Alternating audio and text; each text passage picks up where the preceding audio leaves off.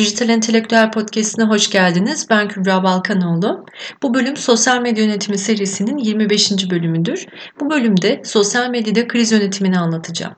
Kriz gelmeden önce ya da kriz anında neler yapabileceğinize değineceğim.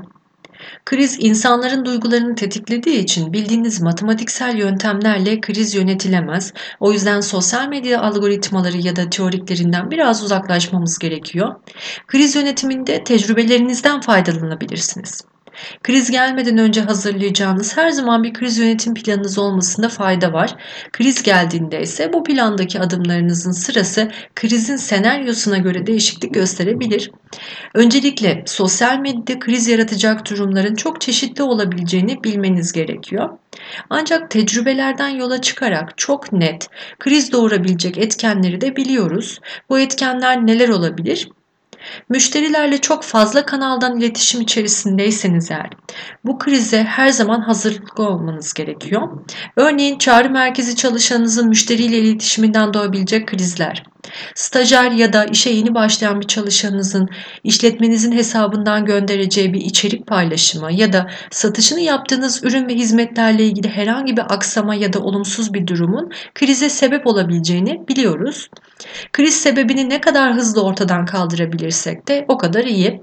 Ancak bazı senaryolarda krizin sebepleri bizim kontrolümüzün dışında bir durumdan kaynaklanabiliyor.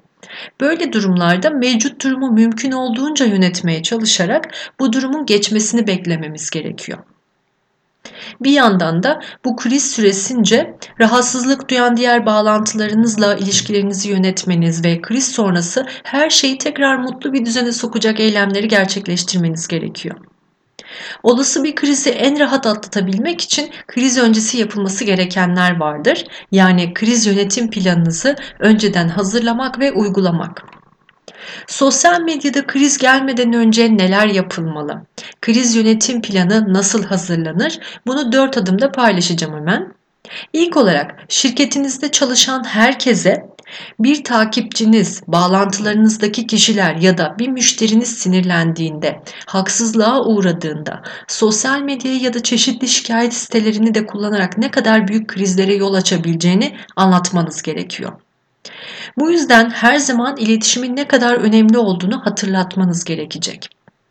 İkinci olarak eğer sosyal medyada marka elçileriniz varsa yani markanızın bilinirliğini artırmada gönüllü olarak sizlere yardımcı olan takipçileriniz ya da müşterileriniz varsa kriz yönetiminde şanslı olacağınızı şimdiden söyleyebilirim. Gönüllü marka elçilerinizi oluşturmak ve onlarla iletişiminizi nasıl yönetebileceğinizi, yaklaşımınızın nasıl olması gerektiğinden önceki sosyal medya serilerinde çok kez bahsetmiştim. Tekrar göz atabilirsiniz. Kriz yönetiminde gönüllü marka elçilerinizin rolü nedir? Hemen buradan bahsedebilirim. Başarılı bir sosyal medya yönetiminde sizi sürekli takip eden ve etkileşim sağlayan bu kişilere siz de karşılık vererek iyi bir etkileşimde bulunduysanız ve ayrıca satışa sunduğunuz ürün ve hizmetlerinizde müşteri memnuniyet oranınız yüksekse yalnız değilsiniz demektir. Bir kriz yaşadığınızda marka elçileriniz gelen eleştirilere sizin yerinize cevap verecektir. Tavsiyelerde bulunacaklardır. Sakinleştirici bir yaklaşım göstereceklerdir. Ortamın yumuşamasına güçlü bir destek sağlayacaklardır. Dolayısıyla önceki podcastlerde de dinleyerek gönüllü marka elçilerinizi şimdiden edinmeniz önemli. Üçüncü olarak da kriz yönetim planınızı hazırlamanız gerekiyor.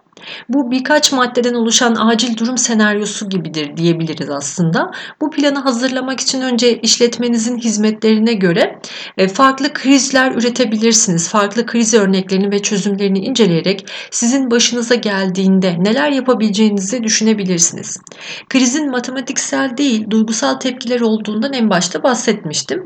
Bu yüzden krizi hafifletmek için empati yaparak konuya yaklaşmalı ve çözümlerinizi bu şekilde üretmeniz gerekiyor. Ve dördüncü olarak da kriz geldiğinde krizi yönetecek, gerekli temasları kuracak olan kriz yönetim ekibinizi krizden önce belirlemeniz gerekiyor. Bu ekibin e, görev dağılımı nasıl olabilir? Biraz bundan bahsetmek istiyorum. Örneğin İşletmenizdeki bir kişi krize sebep olan etkenleri araştırabilir. Diğer bir kişi e, diğer sosyal mecralarda, forum sitelerinde, sözlük sitelerinde ya da şikayet siteleri gibi diğer siteleri izleyip takip ederek hedef kitleniz tarafından kriz konunuzla ilgili neler konuşuluyor, ne yapılıyor, ne isteniyor, neye ihtiyaç duyulduğu gibi içgörüleri daha iyi anlamaya çalışarak çözüme yönelik çıkarımlarda bulunabilir. Yani monitoring yapabilir. Başka bir kişi de sosyal medya ya da web siteniz gibi iletişim ağlarınıza gelen yorumlara mail ya da mesajlarınıza yanıt verebilir. Yani moderasyon yapabilir. Kriz anlarında moderasyonu doğru şekilde yapmak çok önemlidir. Çünkü bu krizi büyütebildiği gibi hafifletebilen, empati ve sorumluluk gerektiren bir görev olacaktır. Marka bilinirliği ve bağlılığı için önem taşıyor. Tüm bunları tek başınıza yapmanız gereken zor durumlar da olabilir tabii. Önemli olan sakinliğinizi ve empati gücünüzü korumanız. Bu aslında her şeyi çözecek olan, sihirli olan pozitif enerjidir. Buraya kadar kriz gelmeden önce yapılacaklardan bahsettim. Şimdi de kriz gelip kapınıza dayandığında neler yapabileceğinizden bahsedeceğim. Öncelikle kriz anı sakin olun. Evet, sosyal medyada e, kriz anında neler yapılmalı? Bunu 7 adımda paylaşıyorum hemen. İlk olarak Krizin sebeplerini araştırmanız ve tespitlerinizi not almanız gerekiyor. Bunun için önce sadece dinlemek de gerekebilecek. Sosyal medyanızı tarayabilirsiniz ve konuyla ilgili kişileri dinleyip ne, neden oldu, neden sinirler gergin, sebeplerini tespit etmeniz gerekli. Bunun için ya bir monitoring yardımıyla ya da az önce bahsettiğim iş bölümü ile e, tüm sosyal medya kanallarınızı ve diğer forum sitelerini gezerek yorumları tarayabilirsiniz.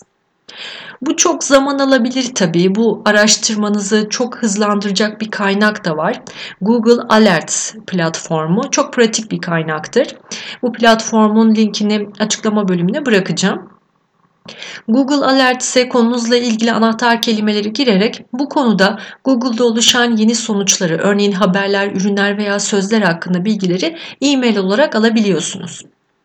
Google Alerts'e üye girişi yapıyorsunuz ve arama alanına takip etmek istediğiniz konuyu giriyorsunuz ve kendinize bir alerts yani bir Google e, uyarı mekanizması oluşturuyorsunuz. Ayrıca ayarlarınızı değiştirmek için de seçenekleri göre tıklayabilirsiniz. Burada seçenekler kısmında Google'dan girdiğiniz alarm konusu ile ilgili ne sıklıkla bildirim almak istediğinizi, göreceğiniz site türlerini, dil seçiminizi, dünyanın neresinden bilgi almak istediğinizi yani lokasyonunuzu, kaç sonuç görmek istediğinizi seçerek ayarlarınızı düzenleyebilirsiniz. Bu ayarlarda bir sıralama da yaparsanız krizin en çok yayıldığı mecralara hızlı şekilde müdahale etme fırsatı da bulabilirsiniz. Google sizin için eşleşen arama sonuçlarını tarıyor ve krizin yayıldığı kanalları tespit ederek size bir e-posta gönderiyor. Google Alerts'ı denemenizi öneririm. Kriz anında sizi büyük bir efordan kurtaracaktır. İkinci olarak problemi iyice dinleyip tespit etmek için yöneticilerinizden ve ilgili çalışma arkadaşlarınızdan bilgi alabilirsiniz ve durumu muhakeme etmeniz gerekiyor. Sorun çözülebilir mi? Sorunun kaynağı sadece bizim kontrol alanımızda mı ve çözümün ne kadar sürebileceğini öğrenmeniz gerekiyor.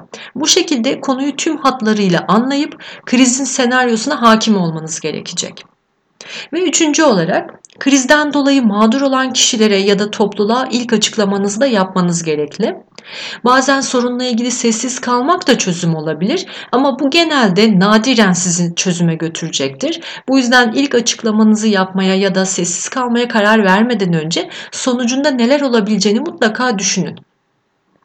Eğer mümkünse yöneticilerinize ya da bu konuda deneyimli olan uzman bir kişiye nasıl bir hamle yapmanız gerektiği konusunu danışabilirsiniz. Eğer ilk, ilk açıklamanızı yapmaya karar verirseniz mutlaka yöneticilerinizden de onay aldıktan sonra soğukkanlı şekilde üste çıkmadan ve krizin asıl yaşandığı platform üzerinden açıklamanızı paylaşabilirsiniz. Krizin asıl yaşandığı platform ya da krizin en yoğun olduğu platform hangisi ise o platformda açıklama yapmanız en doğrusu olacaktır. Diğer kanallardaki gelen yorumlara da tabii daha önce bahsettiğim moderasyon yöntemiyle yanıtlarınızı verebilirsiniz. Bu şekilde bilgilendirmelerinizi de yapın. Dördüncü olarak da krizi büyüten kişilerin bir listesini çıkartın. Evet, çünkü bu kişilerin etki alanı çok güçlü olduğu açıktır. Bu kişilere daha özel bir muamele yapabilirsiniz. Yani mümkünse onlarla özel olarak iletişime geçin. Arayabilirsiniz ya da özel olarak mesaj yazarak durumu samimiyet, empati ve soğukkanlılığınızı koruyarak açıklama yapabilirsiniz. Böylece onların mümkün olduğunca gönüllerini alın. Yani bu kişileri de kazanmanız önemli. Ve beşinci olarak krize sebep olan durumları ortadan kaldırmanız gerekiyor. Bu sebepler sizin kontrolünüzde de olabilir, olmayabilir. Eğer sizin kontrol alanınızda değilse müdahale edemezsiniz tabii ama e, bir daha yaşanması durumuna karşı bu koşulları bir yönetim şekli düşünebilirsiniz. Eğer sizin kontrol alanınızdaysa bunları mutlaka ortadan kaldırın ya da düzeltin. Örneğin hatalı paylaşımlar varsa silebilirsiniz ya da yanlış ürün gönderildiyse bunu düzeltebilir hatta bir de hediye sunabilirsiniz. Altıncı olarak da kriz sırasında gönüllü marka elçileriniz ya da destek olan kişiler olumlu yorumlarıyla sizin yanınızda olacaklardır. Ayrıca ürün ve hizmetlerinizden haberdar olan yakınlarınıza da durumu bildirerek desteklemelerini rica edebilirsiniz. Bu kriz süresince Gelen bu güzel yorumlara da teşekkürlerinizi yazmayı sakın ihmal etmeyin. Böylelikle bu güzel yorumların daha çok kişiye e, ulaşmasını sağlayabilirsiniz, yayılmasını sağlayabilirsiniz. Bu da daha pozitif bir ortam oluşturacaktır. Ve son madde 7. adımda da kriz süresince durumun gidişatına göre eğer gerekiyorsa reklam ya da pazarlama içerikli paylaşımlarınızı durdurabilirsiniz. Genel olarak sergileyeceğiniz yaklaşım da her zaman için şeffaf, nazik, empatiyle ve soğukkanlılıkla olmalı. Gerekirse özrünüzü de dileyin. Problemin çözülmesi için gereken çalışmayı yaptığınızda mutlaka bildirin. Evet, bu bölümde anlatacaklarım bu kadardı. Bu tür içerikler hakkında daha fazla bilgiye ihtiyaç duyarsanız woolpodcast.com sitesinin blog sayfasını ya da diğer podcastlerini dinleyebilirsiniz. Podcast'in tüm erişim kanallarını açıklama bölümüne bırakacağım. Ayrıca woolpodcast.com sitesinin forum sayfası da var. Merak ettiğiniz konularda başlık açabilirsiniz ve diğer insanların deneyimlerinden de faydalanabilirsiniz. Hem yayınla ilgili hem içerik akışı ile ilgili daha faydalı olabileceğini düşündüğünüz öneriler varsa yorumlarda iletebilirseniz memnun olurum. Kendinize iyi bakın. Sevgilerimle. Hoşçakalın.